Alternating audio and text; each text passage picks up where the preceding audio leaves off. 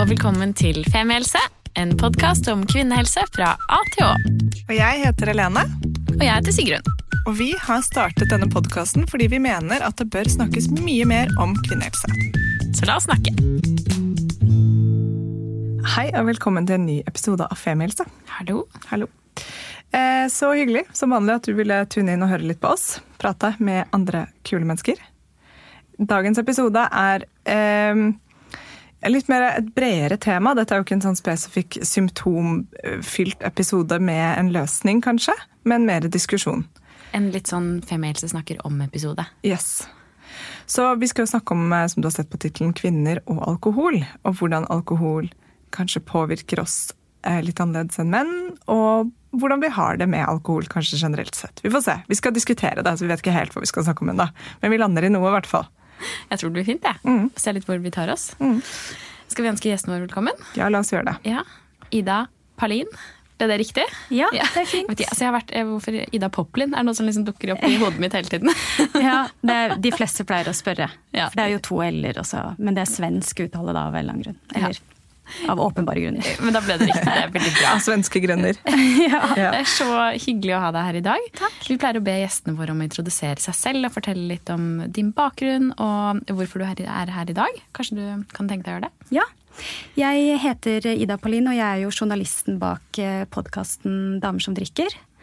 Eh, og utover det, eller ellers, så jobber jeg egentlig for det meste med litteraturformidling. Så det er egentlig ganske sånn annerledes enn dette. Og så er jeg utdanna fra Universitetet i kultur og kommunikasjon.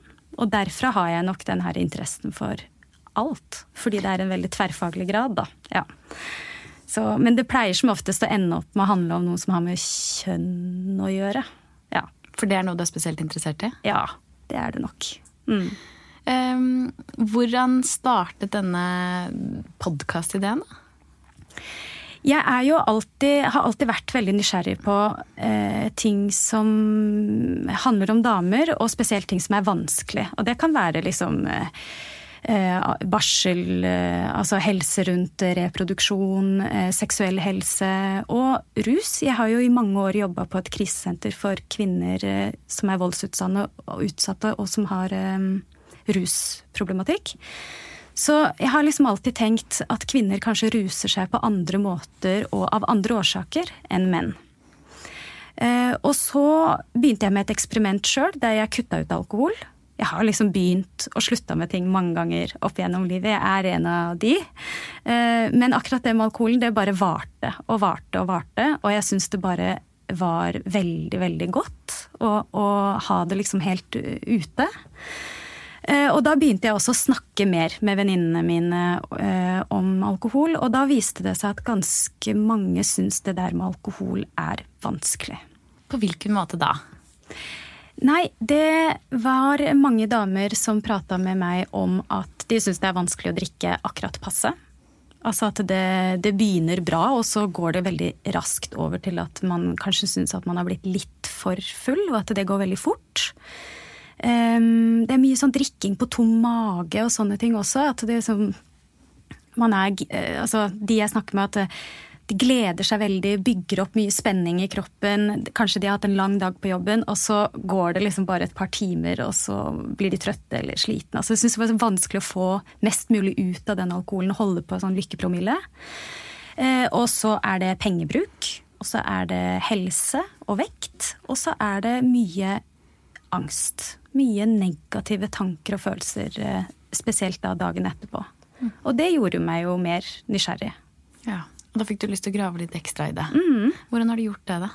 Da gikk jeg til Av og til, og så sa jeg jeg har lyst til å lage Som er en organisasjon Ja. som jobber for bevisstgjøring rundt alkohol. Ja, Og vaner. Alkovett. Alkovett, rett og slett. Ja. Mm, Så yes. de er jo ikke en sånn organisasjon som vil at folk skal slutte å drikke, men bare liksom tenke før du drikker. Yes. Og, ja, så det er helt topp. Og det passer jo meg godt, fordi jeg er heller ikke noen sånn avholdsaktivist, akkurat. Eh, Så da sa jeg at jeg har lyst til å undersøke det normale drikkemønsteret.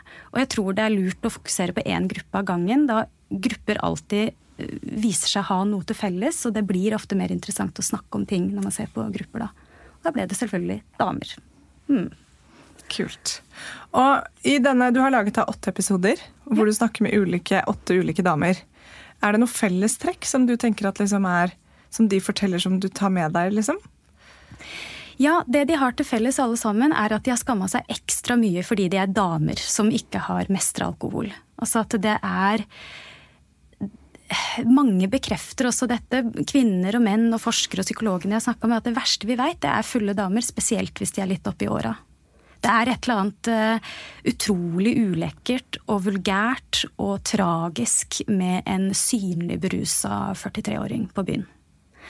Uh, nå er det ikke sånn at jeg mener det, men, men mye av skammen knytta til uh, alkohol for kvinner handler mye om det å ha mista kontrollen og, og liksom ikke ikke oppført seg ordentlig. Da. At det virker som det er litt lite å gå på der, sammenligna med hos menn. Da.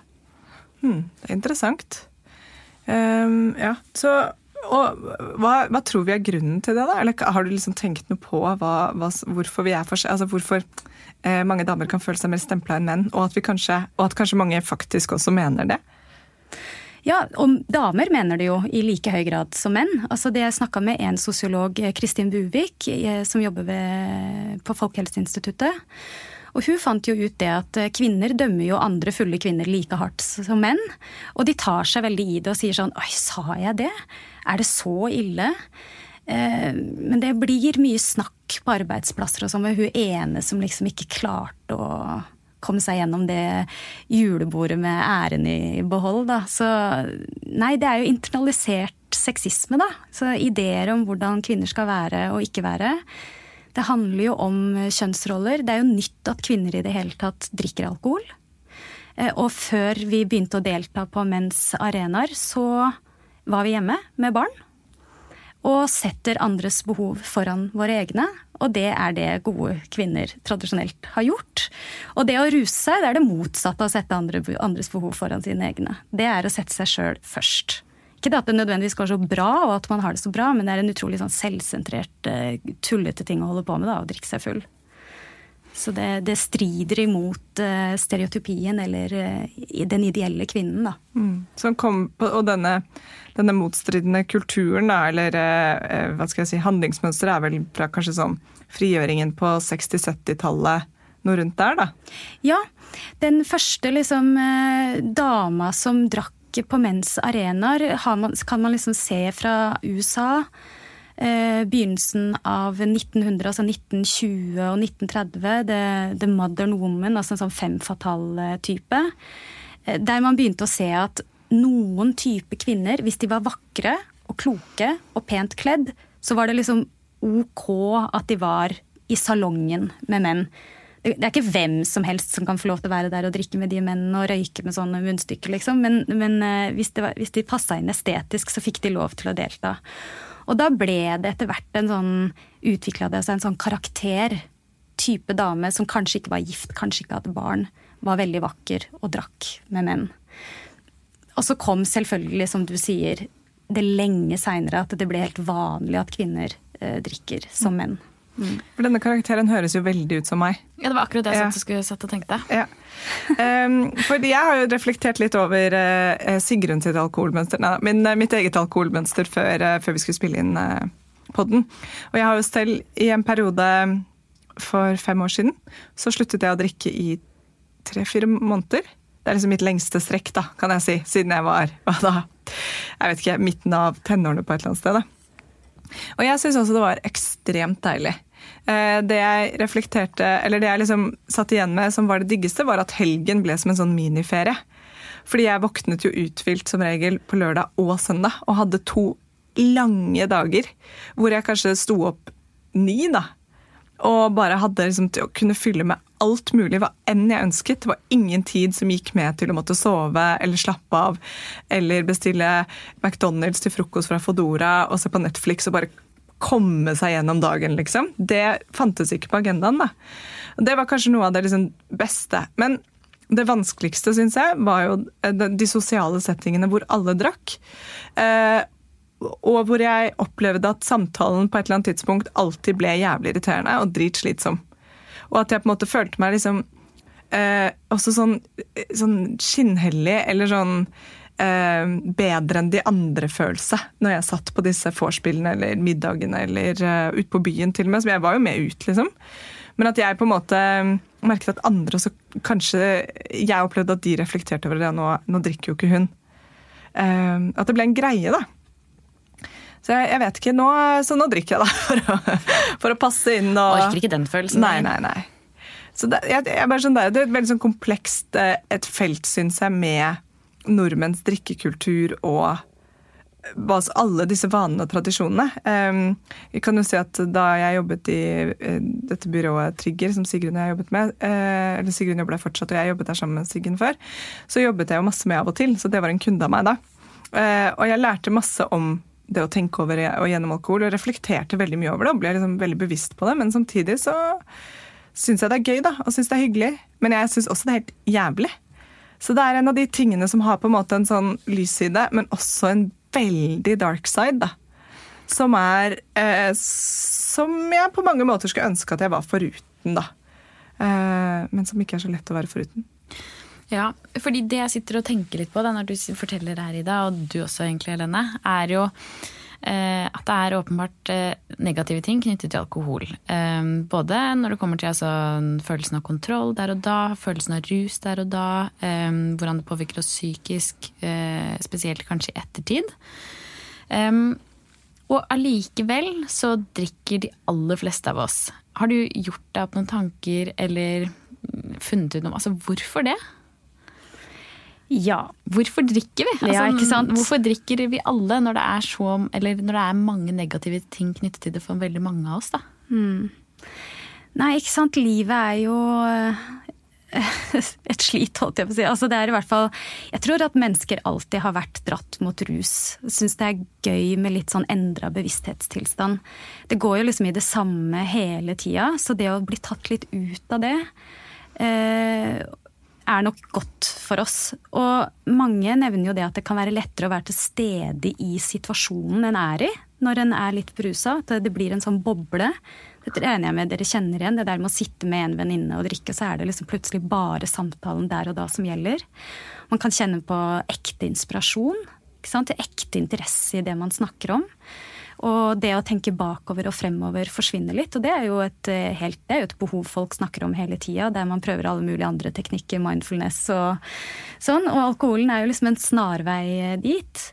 Og for de aller fleste så er det også helt uproblematisk, og det er, er helt topp.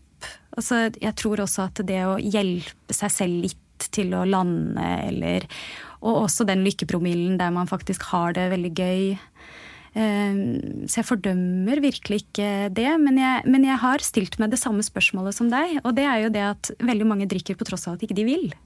Og da begynner det å bli interessant. Og det er jo mange av de jeg har snakka med. Hvorfor gjør man det man ikke vil?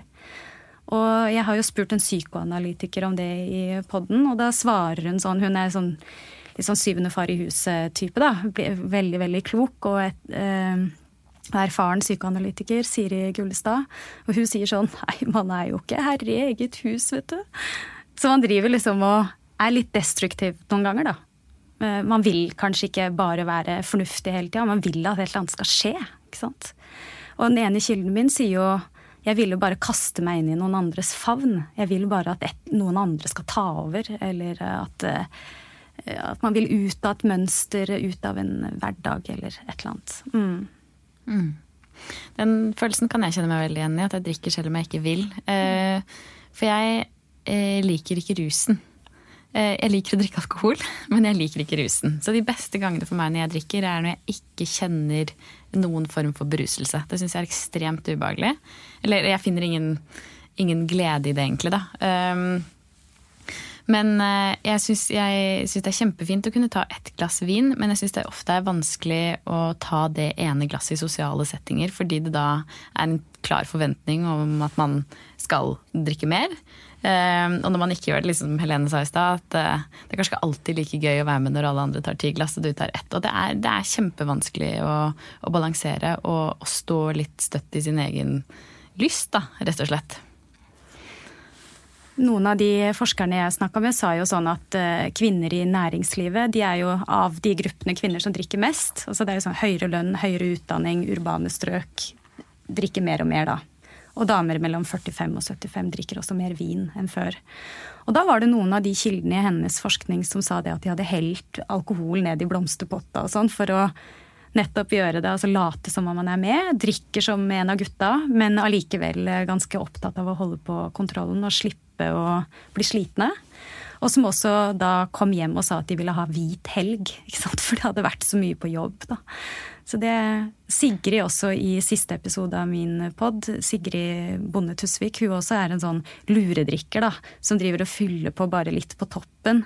Imens Lisa Tønne da blir bare fullere og fullere i løpet av kvelden. Så er liksom Sigrid en sånn spion da, som driver og filmer alle fadesene til Lisa. Det er en veldig kjip venninne, faktisk. Men uh, de lever jo for uh, alt som har underholdningsverdi, så ja.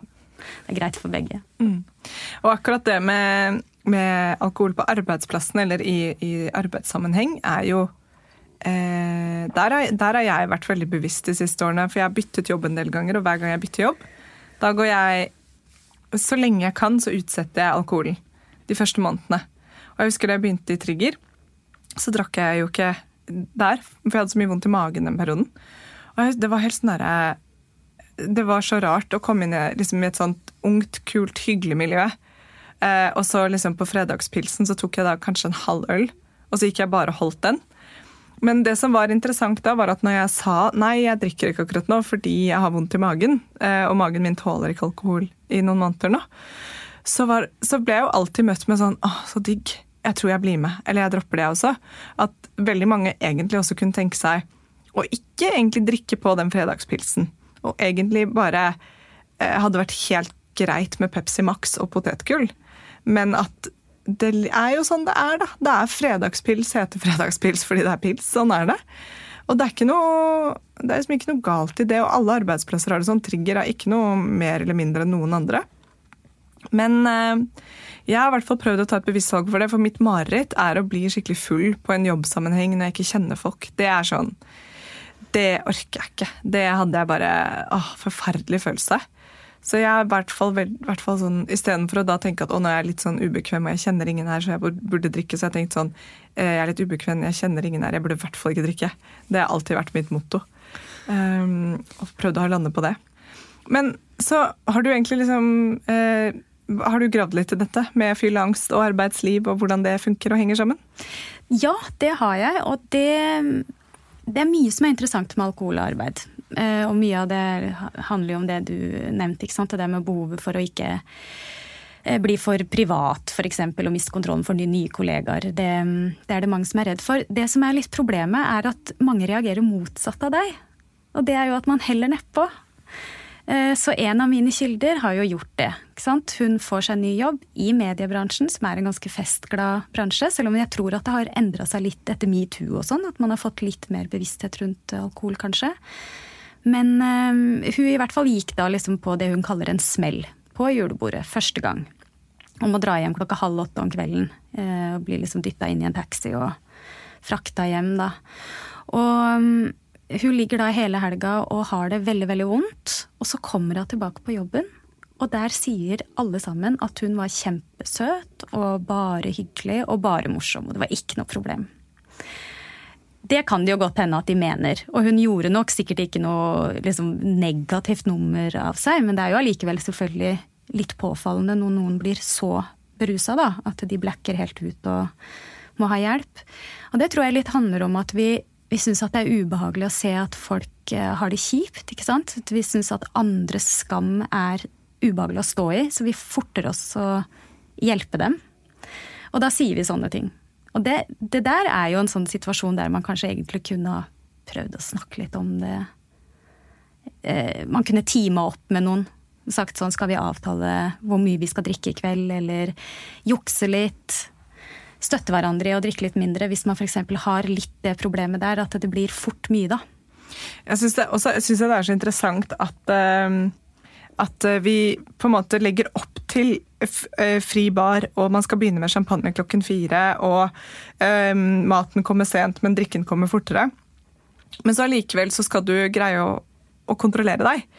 Så det, er sånn her, for det hadde jo ikke vært noe problem hvis det bare alltid var om å gjøre å bli mest full. Hvis liksom den som var fullest på julebordet, vant julebordet. Altså sånn at alle sto sånn på mandag og klappet personen din. Bare 'fy fader, du vant'. Uh, og at du kunne ligge hele helgen og glede deg til å komme på jobb fordi du var den som ble fullest, liksom. Mm. Det er det jeg syns er sånn uh, Det er på en måte et helt feilslått eksperiment av norske arbeidsplasser å alltid tilby masse alkohol, men samtidig ikke tilby liksom noe som form for veiledning på hvordan skal vi være på disse festene våre. Hvor fulle er det greit? Eller hva, hva skal vi liksom, hvordan skal vi være mot hverandre? Mm. Hvordan skal vi snakke om liksom, hvordan festen var på mandagen? Eh, og at det allikevel er en forventning til at alle skal drikke, men ikke bli for fulle. Som jo ofte går dårlig, da. Mm. Så Alle får jo norsk alkoholkultur kasta mot seg en eller annen gang i tenårene. Og derifra skal man bare mestre det. Mm. Og det er et rusmiddel. Det er for mange ganske vanskelig å mestre. Men det, det, skal man bare, og hvis ikke så er det et eller annet gærent med deg. det der, og det er en ganske smal sti. Å klare å drikke akkurat passe til at man er øh, godt selskap. Og kvinner også drikker jo gjerne like store mengder som menn, og blir mye fortere berusa. Så, ja, så det er også noe kvinner kanskje burde snakke mer om. Det er bare rett og slett gjøre det helt sånn klart at vi tåler mye mindre. Og det skal også mindre promille til før vi faktisk tar fysisk skade av det også. Så ikke bare skal vi drikke mindre for å bli fulle, men vi skal også vi tåler lavere promille før vi pådrar oss leverskader og sånne ting. Mm. For Er dette noe du har liksom gravd litt inn, dette med hvordan kroppen vår påvirkes? Nå skal vi også, etter at vi er Eller i denne poden så skal vi også intervjue en lege, så det kommer etterpå. Um, vi snakker om de fysiske sidene av kvinner og alkohol, og hvordan det kan påvirke kroppen vår. Eh, og dette er jo ikke, dette er bare ment som en episode hvor vi har liksom til å snakke om det. For det er jo, jeg synes det er veldig interessant, vi snakker for lite om det, tror jeg. Eh, og altså det er jo, Nå skal jeg ikke gå inn på en sånn legaliseringsdebatt, for det pleier man alltid å gjøre på et eller annet nachspiel, og så blir det veldig sånn politisk og strengt. Hasjfilosofen. Hasjfilosofen, ja. Men samtidig så er det jo noe med at eh, dette er et rusmiddel som er heftig, da, og så er det lovlig for alle over 18. Eh, men samtidig så snakket vi veldig lite om de negative konsekvensene av det. Så ja, nei, det var egentlig bare det vi hadde. Vi ville liksom utforske litt i episoden. Og eh, jeg vet ikke med deg, Eva, som nå sitter på fanget til Sigrun, men eh, hun opplever i hvert fall ikke så mye fylleangst for tiden. Nei. nei. Ikke enda. Men jeg sitter jo også og tenker litt på den norske drikkekulturen, som må jo være en stor del av dette her. Eh, eller jeg er vanskelig for å se for meg at det er likt i andre land hvor man konsumerer eh, mindre doser alkohol oftere. Altså at vi ikke har det der helgefylla som vi har i Norge. Mm.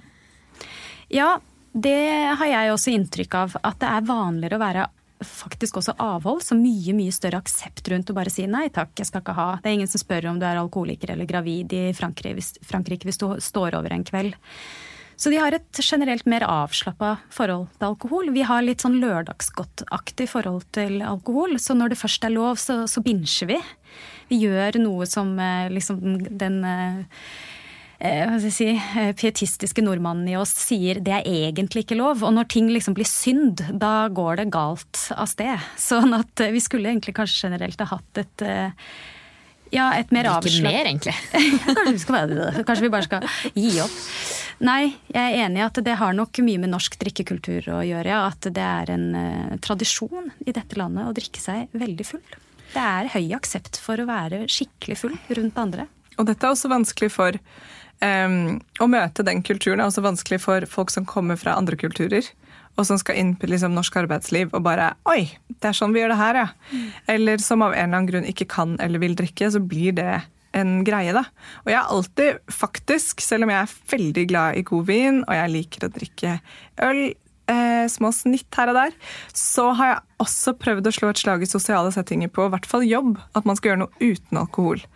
Fordi jeg har lyst til at alle skal føle seg inkludert, og at ikke det skal være liksom greia.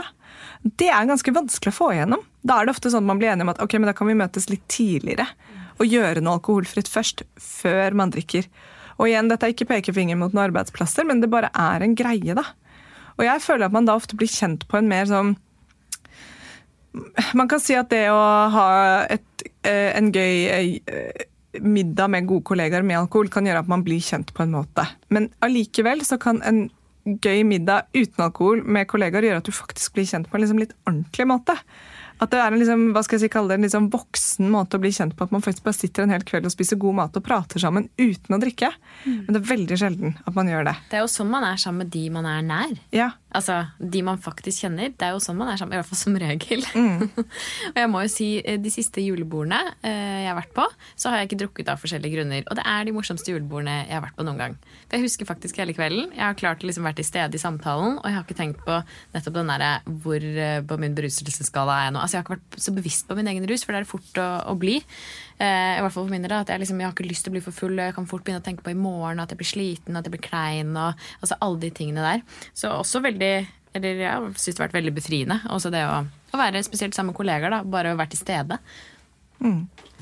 Men uh, disse kvinnene som du har snakket med i podkasten din, de snakker jo mye om fylleangsten. Mm. Um, og den er jo et monster som for veldig mange følger med. Og ikke minst fyllesyken. Så det er jo noe som er uh, Det er så rart at det liksom er som at vi kan ligge på en, en hel dag og være fyllesyke og ha fylleangst, men så med en gang det er over, så er det sånn Ja, det er glemt. Og så drikker man igjen. Vi bruker hele helger på det. Ja. Ja, det er jo en forgiftning. Og det skal overraskende lite til for noen, i hvert fall. Og at de blir ganske dårlige dagen etterpå. Kvalme, hodepine, og så er det da i tillegg den selvforakten og skammen. Og hva var det jeg sa, hva var det som skjedde? Dette her må være veldig åpen med en eller annen random kollega om der tror jeg det er mye at den åpenheten er litt ute av kontroll. Folk angrer på ting de har fortalt. Ikke det at nødvendigvis folk går rundt og har så mye hemmeligheter, men det er bare om hvilke relasjoner man har til hvem. Og det snakker alle om at de syns er veldig fælt. Og det er også alltid da folk sier jeg, jeg, jeg må ta en pause. Jeg må kutte det ut. Jeg skal ta en hvit måned. Det er jo når folk er fyllesyke at de bestemmer seg for det. Og akkurat der så tror jeg det er en sånn liten utgave av, av en seg sjøl som sier ta en pause, eller sånn vær grei med deg sjøl. Eh, så man skulle egentlig kanskje ha hørt litt på den derre sanne stemmen i fylleangsten, da. Men så går det noen dager, og så går det over. Så begynner man å føle seg litt sånn ovenpå igjen. Og så går folk på en ny runde. Mm. Det, vi lever litt sånn kontrastfylte liv òg, tror jeg. ikke sant? At man jobber veldig hardt på. Mm. Folk, eh, spesielt litt sånn høypresterende damer. Alle de damene jeg har snakka med, er jo kjemperessurssterke. Jobber veldig, veldig hardt. Så det er noe med noe sånn belønning òg, da, kanskje, som kommer eh, på fredagen. Så kanskje man skulle ha balansert det mer ut, sånn at ikke man er så totalt utslitt. For da, da, virker det som at mange lengter veldig etter alkohol for å hjelpe seg selv ned. Kan jeg kjenne meg igjen i. Ja, det var det jeg syntes var eh, kjipest da jeg var gravid, faktisk. Mm. Den derre å ikke kunne koble av, da. Eller den følelsen av å koble av. Men eh, jeg lurer på, er det noen av Nå har du som du sier intervjuet mange spennende kvinner. Er det noen av de historiene som har gjort ekstra inntrykk på deg? Du har lyst til å fortelle litt om? Jeg syns jo eh, den første episoden om Ingrid og hennes eh, dagbok fra dagen derpå er sterkt å høre på. Der hun nettopp går inn i det vi snakka om, altså hva hun tenker om seg sjøl. Og den fremmedfølelsen hun har overfor den som er utgaven av seg sjøl som er full. At hun lurer litt på hvem den dama er. Og det er en ganske skremmende opplevelse. Å ikke kjenne seg selv igjen. Um, og så syns jeg det er fint å høre om tobarnsmoren om livet før og etter alkohol med to små barn. At det er eh, litt lettere da, å være til stede for ungene sine når man ikke er fyllesyk. Eh, så det syns jeg var en rørende historie. Og så er det en episode som går inn på dette her med seksualitet og liksom behovet for nærhet og alkohol. Som jeg tror også har truffet ganske mange. Der man eh, lengter etter kjærlighet, og så veit man ikke helt hvordan man skal få det til. Og så drikker man seg til mots, og så ender man opp med å ikke helt få det man var ute etter, da, og pådra seg eh, traumer. Mm. Er, jeg tror jo alle har sin personlige liksom, eh, historie om alkohol, og hvordan det påvirker. Og jeg, for min del så merker jeg jo eh, nå faktisk de siste årene at så lenge jeg selv bestemmer hvordan jeg drikker, så pleier det å gå veldig bra. For da kan jeg sitte en lang, på en lang middag eller en lang kveld ute på bar. Eh, men jeg har heldigvis blitt sånn skikkelig vannfokusert, fordi jeg orker ikke å bli for full. Og jeg orker ikke å bli for fyllesyk. Så da føler jeg det går bra. Men i det øyeblikket det er noen andre som tar kontroll, Sånn som nå nylig hvor jeg var ute med en venninne, og hun sa først en flaske vin, og så en flaske vin til. Men jeg egentlig kjente at jeg var helt ferdig etter den første. Men jeg ble med fordi Ja, man blir jo med. ja, man blir med. Og jeg angret som en hund dagen etterpå. Jeg var så dårlig, jeg var så sliten, og jeg var helt sånn derre Nervene var helt tynnslitte, liksom. Og, så, og da tenker jeg sånn, hadde jeg på en måte bare heller hørt på kroppen min da, og ikke noe annet som prøvde å som kommuniserte med meg, så hadde jeg hatt det helt fint. Da hadde det vært en god alkoholopplevelse. En veldig fin en. God flaske med vin, smakte kjempebra til pizzaen. Eh, vi hadde masse hyggelige samtaler, og det hadde vi. Det, det påvirket ikke egentlig kvelden, det bare påvirket på en måte dagen derpå så innmari. Og det gjelder også liksom var på krepselag hvor det blir servert eh, nubbe, ikke sant, akevitt. Jeg drikker jo aldri sprit i det hele tatt. Og det er kanskje én gin tonic, og that's it, liksom. Uh, og det gikk også kjempegalt dagen derpå. Så utrolig dårlig. Igjen en sånn derre hvor alle rundt bordet bare er liksom kollektivt enige om at fordi vi spiser bitte små krepsehaler til middag, så skal vi selvfølgelig sluke det ned med akevitt. Det gir jo mening. Fordi vi knapt nok spiser mat, så må Knapt nok spiser mat, så må vi drikke masse sprit, som vi egentlig aldri aldri gjør. Og en ting som skjedde litt den kvelden, var at fordi jeg tror ingen er vant til å drikke sprit, så blir vi alle liksom fort fulle. Og jeg opplever at jeg mm, nesten sånn lurer på sånn Er stemningen god her? Og den var kjempegod. Og jeg ser på liksom bilder og filmer og sånn fra dagen derpå. Det var bare hyggelig stemning, og alle sendte meldinger bare 'herregud, for en kveld, denne kan jeg leve lenge på'. Men samtidig så blir det fordi man eh, drikker så fort, så skiftet alle personlighet så fort også, at jeg blir litt sånn hvordan, hva, eller så måtte våkne opp dagen etterpå og tenke sånn It's, we're all good, er vi det? ikke sant? Alle er liksom glad i hverandre fortsatt. Men da, og da må man sjekke inn, må man ikke det? Jo, jeg måtte for sjekke inn. del, så Jeg må man måtte da liksom, Du må sende meldinger, og så må du ringe, og så må gjerne Yes. alle må helst svare og si sånn 'Tusen takk for en strålende helg. Dere er fortsatt verdens beste mennesker. Dette gjør vi igjen.' Og da kan man være sånn 'ok'. Da koste jeg meg. Men før, i hvert fall for min del, da, før jeg har fått den, da er det vanskelig ass, å kjenne sånn 'det var en bra kveld'. Og jeg har ofte sagt at hvis liksom, jeg levde i California, eh, så skulle jeg gjort eh, enkelte ting. Jeg skulle gått veldig mye mer på pilates. Jeg skulle vært eh, typ veganer, og jeg skulle ikke drukket alkohol. Men nå bor jeg i Oslo, da, og da er det kjøtt og, kjøtt og pølser og, og hard styrketrening som gjelder. Men det er akkurat som at det er en indre stemme i meg da, som sier at eh, du hadde hatt det bedre. Eh, og jeg tror liksom Men det er på en måte sånn at jeg er så Eva, please. da. Eller er du enig? Ja, du er enig? Ja, jeg tror på mange måter at eh, eh, Ja, så fordi jeg er så fornøyd med vennegjengen min, eller vennene mine. Jeg er så fornøyd med livet jeg har, jeg er så fornøyd med familien min. Og, og oppi der så er det liksom en sånn, det er en sånn sprinkel av alkohol oppå dette.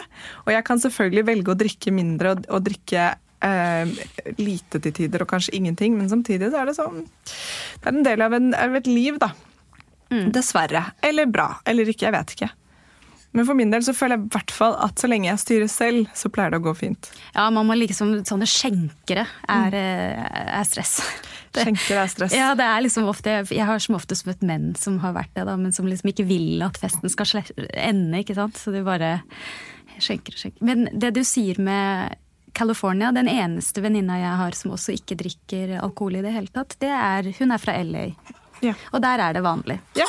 Der er det, der er det grønnkål og, og veldig normalt å ikke gidde å drikke. Ja, For det er ingen altså det, ting, eh, tidligere kollega av Sigrun og meg, eller av meg, da, men som også jobber sammen med Sigrun, han sa det så fint. Han bare eh, det, ikke, det henger ikke på greip at man tror at man skal komme seg opp på trening to ganger i uka når du drikker en halv flaske vin til middag hver dag. Ikke sant? Og Det er kanskje ikke helt det man gjør, men det kan fort bli at det blir altså i hvert fall så eh, Der hvor Sigrun og jeg, og jeg liksom henger, så har eh, naturvin da, blitt så innmari poppis. ikke sant? Og alle har blitt sånne vinkjennere og kjøper vinen før den er utsolgt på polet. Eh, Akkurat, ikke sant? Og er dritglad. Så det å drikke vin har også blitt en hype, da. Ja. Og en hobby, og noe man bruker masse tid og yes. penger på, og ikke minst er samlet rundt. Ja, og tror man kan noen ting om, og så kan vi ingenting. Nei, Altså 100 ingenting. Det bare, vil jeg bare få sagt. Vi kan ingenting. Men man tror man kan det, og så samles man rundt det, og så er det hyggelig og gøy, og det er noe å glede seg til, og det er en sånn felles greie. Um, ja, og den er, eh, den er jo fin, men den har også en litt sånn Man blir ganske fyllesyk av naturvin også, føler jeg. Det blir fort en vane. Eller alkohol er mye vane. Veldig mye vane. Det er et statussymbol også, ikke sant. Det der med å vite bare om den oransje vinen. Da får du liksom raskt sagt noe om deg sjøl. Og jeg syns jo det er et klasseaspekt der også, ikke sant. Det at å løpe rundt med en sånn naturvin i et tøynett og hente ungen sin på skolen med det, og si å, nå gleder jeg meg til å liksom legge beina på bordet og drikke denne friske, ufiltrerte biodynamiske vinen. Det er én ting. Hvis du kommer fra jobb, eh, gjerne i kulturbransjen, men å komme til skolen og hente ungen din eh, fra en arbeidsløs tilværelse med en sixpack i hånda, det er ikke lov. Det, det, har man ikke råd til da. Så det er mye det er interessant å se på at man kan nesten kalle det liksom våte privilegier. Da. Hvem er det som får lov til å drikke, og hvem er det som får lov til å snakke høyt om drikking? Og da er den naturvinen Det slipper man unna med nesten daglig. Ja. Men med en gang det er en flaske med, halvflaske med vodka, da, så kan du jo bare glemme det. Hvis du i tillegg eh, er eh, vet på uføretrygd, da. Jeg tok meg selv i det i polet, på, på, i polet. Ja, på polet, i hvert fall. I Grimstad. Og så er det to, et par foran meg som Han kjøper en sånn halvliter med tyrkershot, og hun kjøper en liter med eh, sånn Bacardi Raz. Og så står jeg sånn og tenker sånn Herregud, her skal de hjem og drikke på, ja. Og så har jeg tror jeg kjøpt ti flasker med vin selv, for jeg skulle på liksom en hyttetur og skulle ha med og fant så mye digg der, så jeg bare hamstra. Og så i den tanken, liksom, når jeg så liksom, ned på spriten de hadde kjøpt, og på en måte et nanosekund greide å dømme dem, og så bare måtte jeg se på meg selv og bare Nei, vet du hva. Det der er samme altså Det er virkelig samme same shit, different wrapping her, liksom. Det er alkohol. Mm, det er alkohol. Punktum. Men eh, de positive tingene med alkohol, altså det sosiale fellesskapet, den følelsen av avkobling, alle disse tingene vi har snakket om nå. Nå som du ikke drikker, hva mm. tenker du om de tingene da?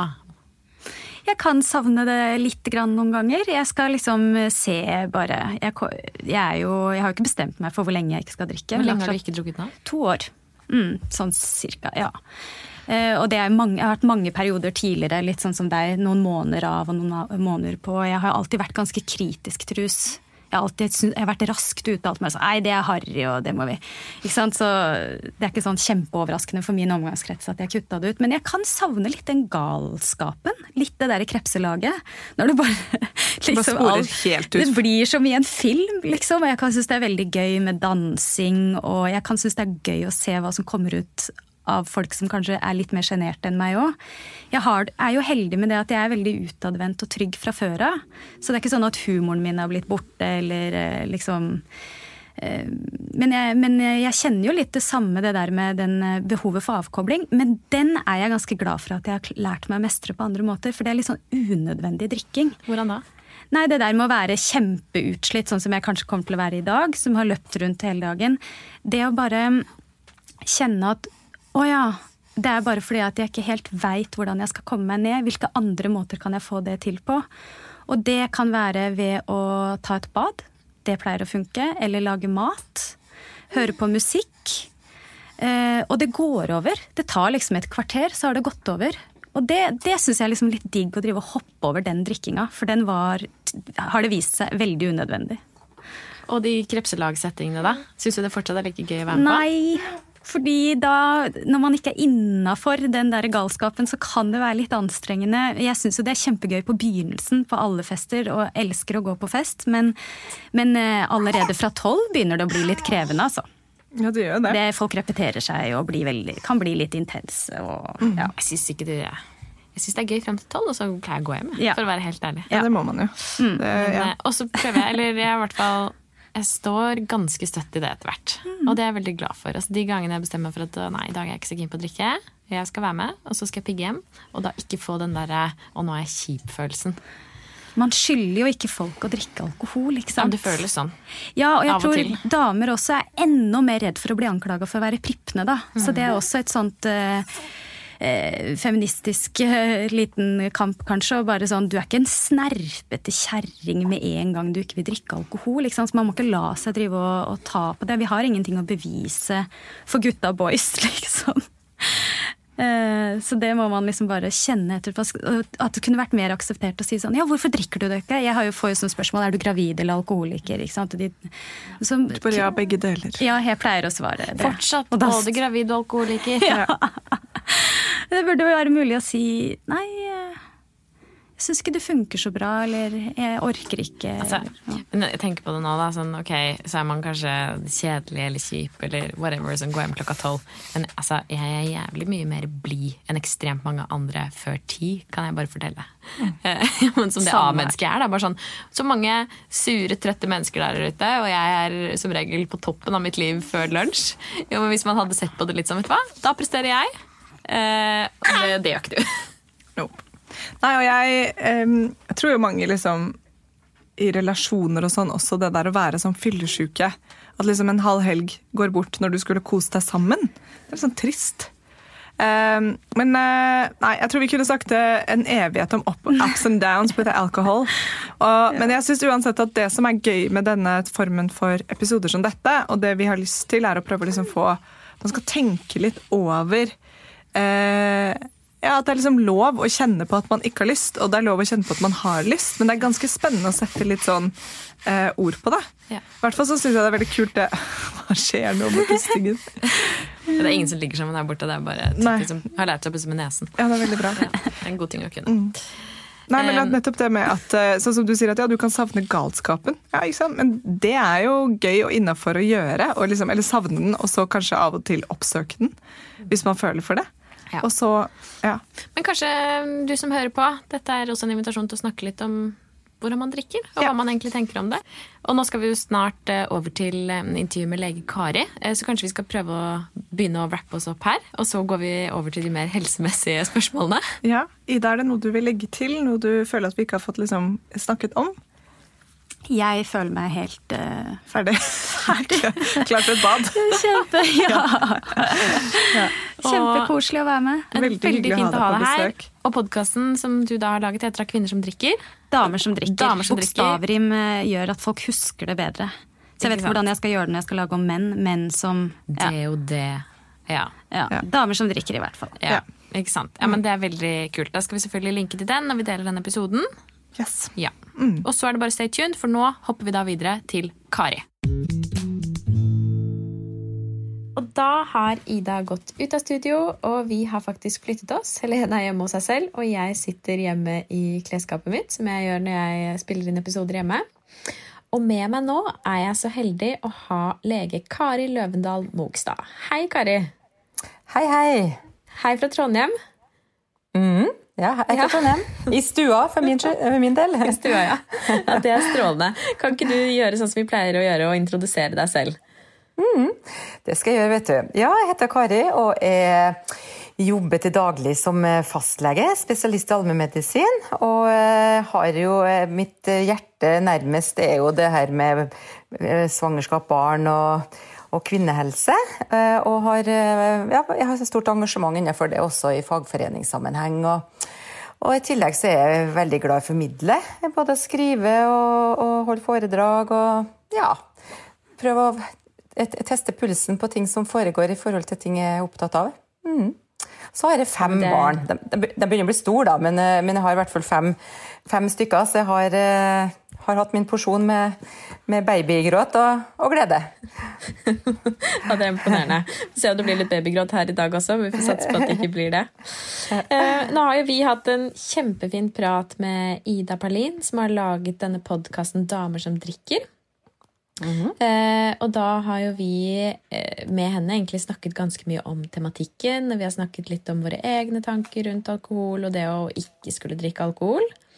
Og så har jo hun fortalt litt om, om det hun har funnet ut da gjennom eh, podkasten sin og de undersøkelsene hun har gjort. Jeg tenker Det er spennende å snakke litt med deg om eh, de faktiske påvirke, eller den faktiske påvirkningen alkohol har på spesielt kvinnekroppen. da, siden Det det, det er den vi stort sett tar for oss. Um, jeg synes det er spennende å starte med dette. altså sånn, Påvirker alkohol egentlig kvinner annerledes enn menn? Ja, den gjør, eh, den gjør, på en enkelte måter det. Eh, vi er jo forskjellige. Eh, kroppen vår er forskjellig, og når det gjelder alkohol, så tåler vi det i forskjellig grad. Det er som med nesten alt annet, at det er jo individuelle forskjeller også innad i, i kjønna. Men, men, vi ser det at, at, damer rett og slett blir fortere full. Og på den måten blir påvirka fortere av alkoholen. da. Vet du hvorfor det er sånn?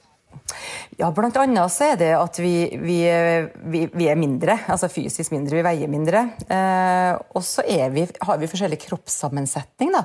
Og det er på generell basis, ikke sant. Eh, men eh, damekroppen består av mer fett enn eh, mannekroppen. Og eh, alkohol løses i vann og, og sånn vev, altså blod, eh, muskler, vannholdige, vannholdig vev. da. Og, eh, og, det, og, damer har mer fett. Så da betyr det at eh, når vi har mindre vannholdig eh, kroppssammensetning, så er det mindre plass å på en måte fordele alkoholen og, for, og bryte ned, på en måte, hvis du skjønner hva jeg mener.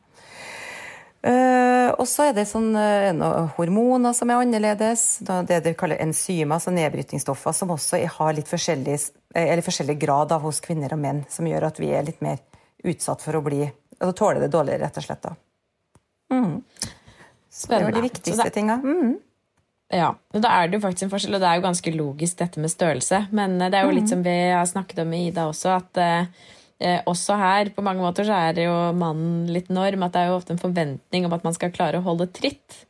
Mm -hmm. uh, og at uh, det er i hvert fall ikke noe som blir tatt høyde for da, i de fleste settinger, egentlig. Og bra Nei. er jo egentlig det også, men det kan jo være litt vanskelig å styre seg selv. Uh, mm. Ja, Man tenker ikke på mm. den forskjellen. Nei, veldig sant. Ja. Så sånn sett kan man jo egentlig ikke si, eller da blir det jo 100% feil å si at kvinner tåler alkohol dårligere enn menn. Um, men vi bare tåler litt mindre, egentlig. Mm. Vi, snakket også, vi snakket en del med Ida om det å kanskje ikke ville drikke, og hvordan veldig mange av oss kan kjenne litt på et sånn um, At det er vanskelig å takke nei. Um, og at det er veldig mange sosiale settinger altså At du fort kan bli stemplet som kjip eh, hvis du velger å ikke drikke. Og så har vi jo forskjellige grunner til det. altså Noen av oss som meg som ikke liker rusen så veldig godt, og andre som syns at dagen etter blir veldig vanskelig. Møter du mange på fastlegekontoret som har et ønske om å drikke mindre og trenger, altså ønsker veiledning til hvordan de kan gjøre det? Eh, det som kommer i, hu i hodet når du spør om det er der, det er jo kanskje mest gravide, faktisk. Eh, for jeg har jeg har tenkt liksom på det her at det har vært et, sånn, det er et visst drikkepress. Det er det en del som sier, også blant dem som er tidlig gravid spesielt. At ja, ja, det er ikke så farlig å ta en drink, eller altså en svigermor eller en tante eller eh, noe sosialt med venner og sånn. At pytt er ikke så farlig. Og det er ganske skremmende tendens, da. Så det, det har jeg snakka med en del om. Eh, hvordan, selvfølgelig, det vet jeg jo sjøl som har vært gravid mange ganger, at det er hvordan å klare å unngå det i sånne settinger der det er at du skal drikke på et julebord, eller men eh, jeg syns ikke så mange som kommer til meg og, og problematiserer det på den måten du spør om. Eh, men, eh, men, jeg tror mange kjenner på det her presset om å drikke like mye som menn. fordi heldigvis er det blitt mye mer likestilt samfunn, og, og kvinner og menn jobber mye mer i, på samme arbeidsplasser. At liksom Ta en for laget, liksom. Og det kjenner jeg nok på at en del skjønner er, er uheldig, da. Mm. Mm. Snakker, snakker, du mye med pasienten din om alkohol sånn generelt sett? Vet du, Jeg tror jeg har blitt flinkere til det. Ehm, jeg, en, eh, jeg har vært sånn eh, hjemmeskribent, hjemmelege. og Da var det faktisk et år siden eller sånn, jeg hadde en artikkel akkurat om det her. Eh, om, da brukte en kasustikk på en dame på rundt 60 år som kom til meg og hadde vondt i magen og litt diaré og sånn. og og, og, da kom det jo fram at, det var, at hun hadde et alkoholmisbruk.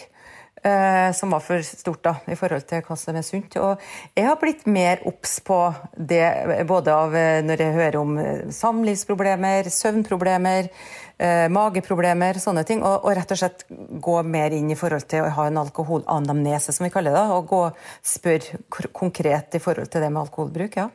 Mm. Og jeg, tror, jeg, tror det er blitt en større bevissthet generelt blant oss fastleger til å gjøre det, men det er masse igjen å, å selvfølgelig bli enda mer bevisst, fordi når vi vet hvilken samfunnsutfordring det er. Ja. Mm. Og hvordan kan det påvirke oss uh, fysisk? da? Nå nevnte du jo litt sånn mage- og tarmproblemer. Mm. Er det, er det, kan du fortelle litt om hvordan det faktisk påvirker oss og kroppen vår? Ja, eh, altså er, Alkoholen eh, skal jo på en måte Det er jo et stoff som skal brytes ned i kroppen på lik linje med andre, andre stoffer. Og, og det, det, gjøres jo allerede i, i magesekken. Eh, og så er det i levra hovedsakelig. Eh, men, eh, det, men, men, når det er sagt, så er det jo flere hundre tilstander som kan tilskrives alkoholrelaterte eh, årsaker. Eh, og vi vet at det er mange, mange som ligger på sykehus eh, av forskjellige sykdommer der det er eh, alkohol som er med i, i, i, i sammenhengen på sykdomsutviklinga. Men ja, tilbake til konkret, da, så er det mm, leversykdommer. Eh, altså de stedene der alkoholen kommer gjennom og skal brytes ned. Eh, så leversykdommer er, er, jo det mest klassiske vi, vi liksom tenker på når vi hører om fettlever og skrumplever og sånne ting. Eh, så har vi magesår, eh, problemer med sure oppstøt, gastritt, sånne ting. Eh, kreft, viss sammenheng der. Så når det gjelder kvinner, da, så må vi være klar over at brystkreft, der ser vi der er det en sammenheng i forhold til et stort alkoholforbruk. En viss økning av risiko for brystkreft. Søvnproblem nevnte Det er kjempeviktig, for det ser vi som fastlege at det er utrolig mange som sliter med søvn. Unge og eldre. Kvinner og menn. Altså, det kjenner jeg jo veldig godt selv. og Det skal nesten ikke mer enn ett eller to glass vin til før jeg kan kjenne det altså på søvnen. At det er vanskelig å sove og med dårlig søvn. Absolutt. Og, og noen, noen, bruker jo alkohol dessverre som en måte til å sovne på. Fordi du blir, på en måte, du blir mer avslappa og roligere inntil en viss nivå. Da. Men så er det på en måte sånn eh, som å tisse i buksa, liksom, at du, du, får en dårligere søvnkvalitet. For du, du, kommer, eh, du kommer, dårligere ned i den gode, gode søvnkvaliteten, altså rem-søvn. Og det gjør at du våkner tidligere og får en mer urolig søvn, og det vet vi jo de fleste at vi har opplevd.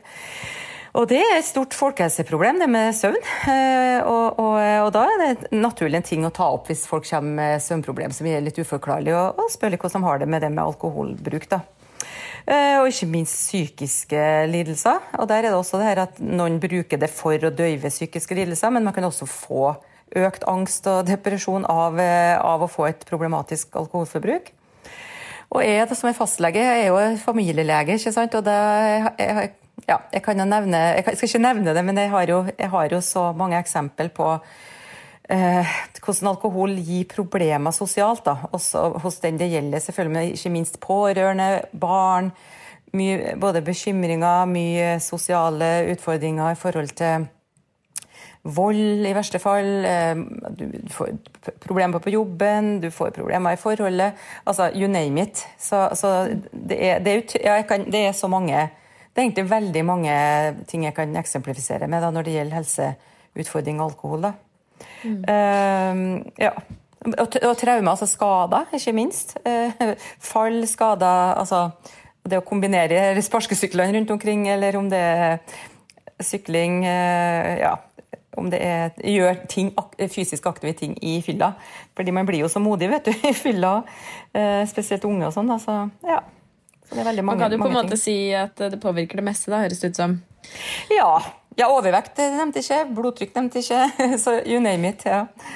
Men du nevner jo en del sånn fysiske tilstander som eh, med en gang høres litt skumle ut for meg. i hvert fall. Altså, ja, egentlig veldig mye av det du sa i starten. Er, går det an å si noe om liksom, hvor det bikker? Altså sånn, Hvor lite eller mye kan man drikke før det begynner å bli skummelt på denne måten? Kanskje vanskelig å svare på? Det er jo, er jo ikke en alkoholforsker, men, men, sånn helt grovt sett da, så, så, er det på en måte at du som kvinne så skal du på en måte Et skadelig forbruk er på en måte over tre enheter om gangen. kan du si. Hvis du skal drikke en kveld, så er det ca. en halv flaske. Altså tre enheter. Du skal holde det under det. Nå er jeg veldig sånn skjematisk her, ikke sant. Og så under 14 enheter i, i uka. Uh, og hvis det er over 14 enheter i uka for en kvinne, så er det sånn roughly sett et eh, skadelig forbruk. da. Mm. Så, og når vi tenker på det litt her, hvordan hvordan her alkoholen har blitt ja, Vinen har blitt litt den nye kaffen, da, for å si det litt sånn eh, tabloid. da. For det, det, tenker jeg både som kvinne og, og som lege, da, at det, det, er mulig dere har snakka om på det for, med hun som var med før men i forhold til hvordan sosialiseringa rundt det med alkohol har endra seg veldig, ikke minst for kvinner også. Så det er tankevekkende, syns jeg. Ja, ikke sant. Og um, i hvert fall det at vin blir en selvfølge i veldig mange sosiale settinger også. Og det er jo kanskje Vi snakket litt om det med Ida også, men at det er jo kanskje i større grad også et norsk fenomen.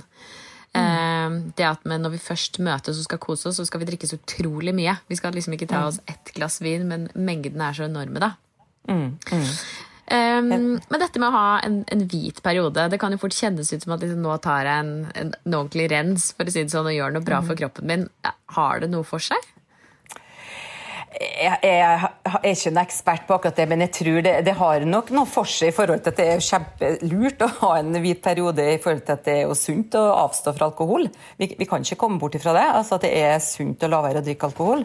Eh, så Sånn sett så har jo en hvit periode absolutt en, en funksjon, vil jeg si. Eh, men ikke minst så tror jeg en hvit periode kan være med liksom å få oss til å tenke litt, da, bevisstgjøre oss litt i forhold til hvordan det kjennes ut å ikke ha alkohol i kroppen over en viss tid. og Uh, alt ifra fra fordøyelsen til søvn til som sagt, altså fysisk. Hvis man er glad i å trene for eksempel, og skal trene dagen derpå, det er ikke sånn. Du er ikke helt fit for fight. Så det er at du våkner og skal gjøre en fysisk eh, prestasjon, du er mye mer klar for det når du har vært eh, edru eller avholdende en god stund. Ja. Ikke sant? Men det reparerer ikke?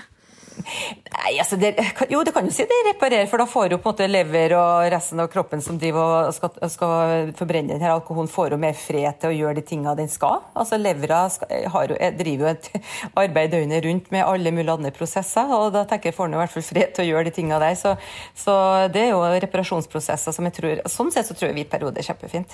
Absolutt. Ikke sant.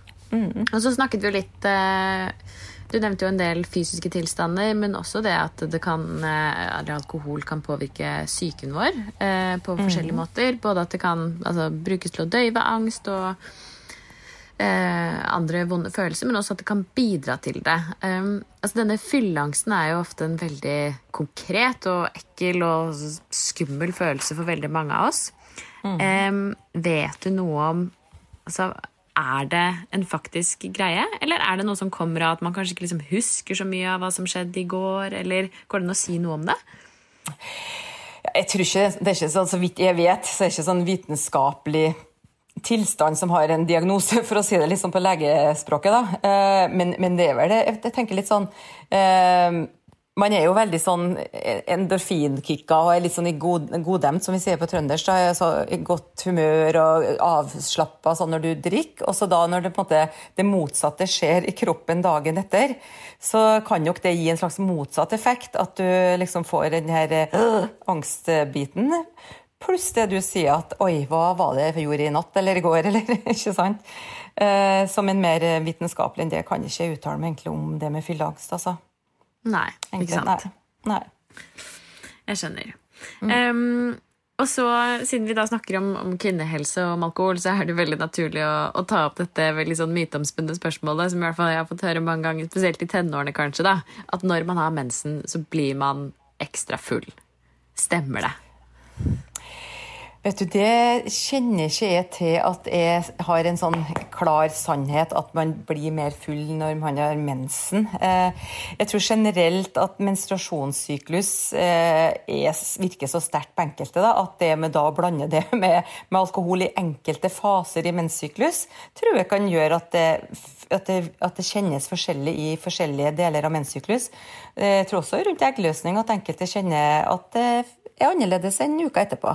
Så, eh, så, jeg tror det er mer individuelle forskjeller på det der. Og, og at vi, det er fantastisk, det kvinnekroppen med, med det syklus og alle hormoner som spretter hit og dit. Og, så jeg tror eh, generelt at det her, eh, det du spør om, er mer ja, Jeg tror ikke det er noen klar jeg har ikke klart svar på at du blir mer full under mensen. Men generelt så tror jeg det. Jeg, altså jeg kan Nei. ikke si at jeg har kjent på det selv. Det er mer uh, i hvert fall noe, noe, som har vært ord på gata, for å si det sånn. Jeg, jeg men, det det, ja. jo, men det er jo selvfølgelig logisk. Altså, det er jo veldig lett å seg, nei, føle seg mer påvirkelig for veldig mange ting. Mm, eh, mm. Altså alle impulser, eller veldig mange impulser, egentlig. Sånn at eh, det er jo veldig logisk at noen også da kjenner ekstra på det da, selvfølgelig. Ja, mer sårbar generelt og mer, ja, mer, inntagende på det meste, og da også alkohol, tenker jeg.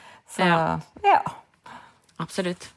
Nei, men dette med alkohol er, det er veldig spennende. og hvert fall, altså, De aller fleste av oss har et forhold til det, og vi har kjent, eller mange kjenner jo både på de negative og de positive konsekvensene.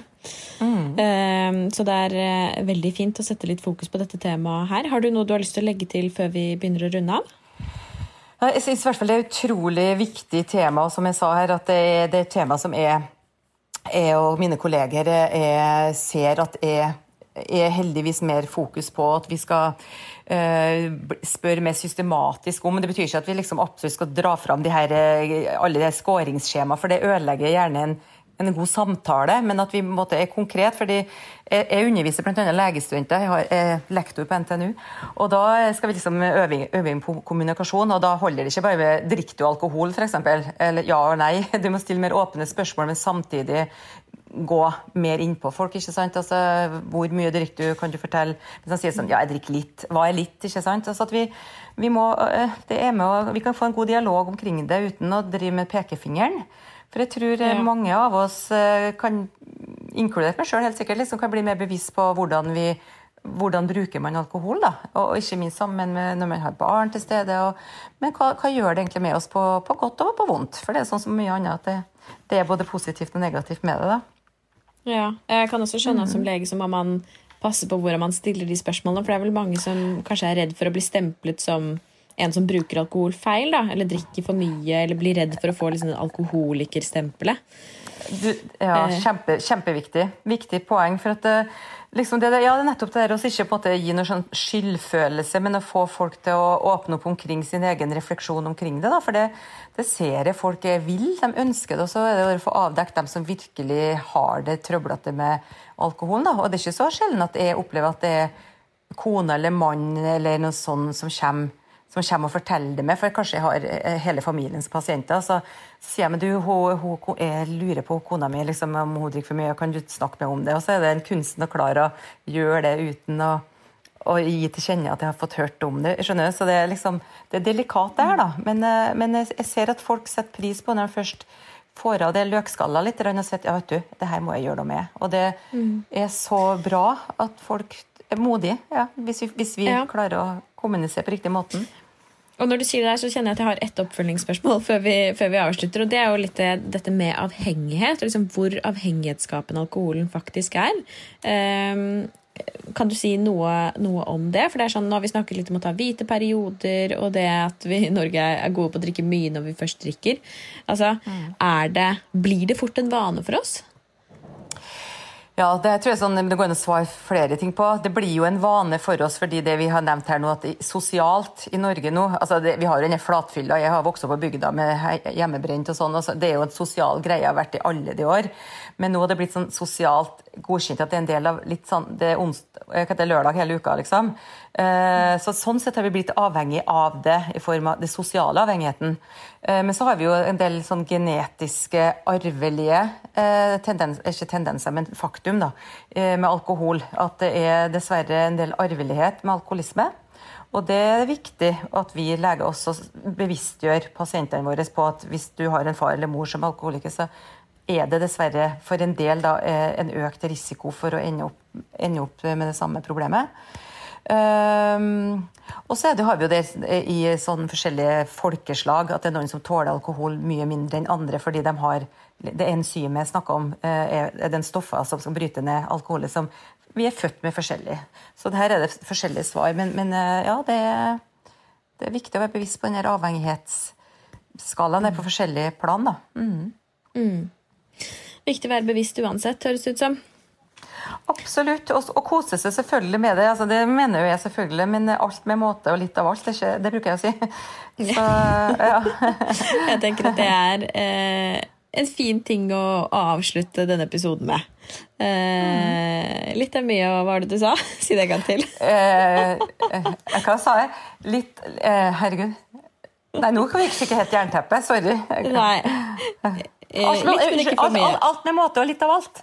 Ja, ikke sant. Ja, men det er strålende. Det er to litt sånn uh, ettermiddagstrøtte hoder her. Men vi, ja, vi, kom, vi, kom, i mål. vi kom i mål en lang dag.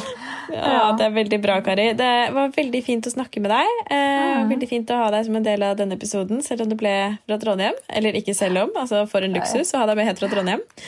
Ja. Um, Og så håper vi at du som hørte på, både har lært noe og kanskje jeg vet ikke, tar med deg denne samtalen videre ut til, til de du møter. Hvis du har lyst til det. Um, og så høres vi igjen neste uke. Takk for at du hørte på, og tusen takk for at du var med, Kari. Det var bare hyggelig. Tusen takk for at vi kom. Tusen takk for at du hørte på podkasten vår. Selv om det forhåpentligvis kommer tydelig frem, så vil vi understreke at vi ikke er helsepersonell. Ja, så Som vanlig, kontakt legen din om du har noen spørsmål, eller om du skal begynne på noen form for behandling. Og Har du et tema som du har lyst til at vi skal snakke om, eller noe ris eller ros, så send oss gjerne en melding på Facebook eller på Instagram. Der finner du oss under Femihelse. Mm. Og du kan gjerne rate oss på iTunes, det er skikkelig hyggelig for oss. Ha en fin dag. Ha en kjempefin dag.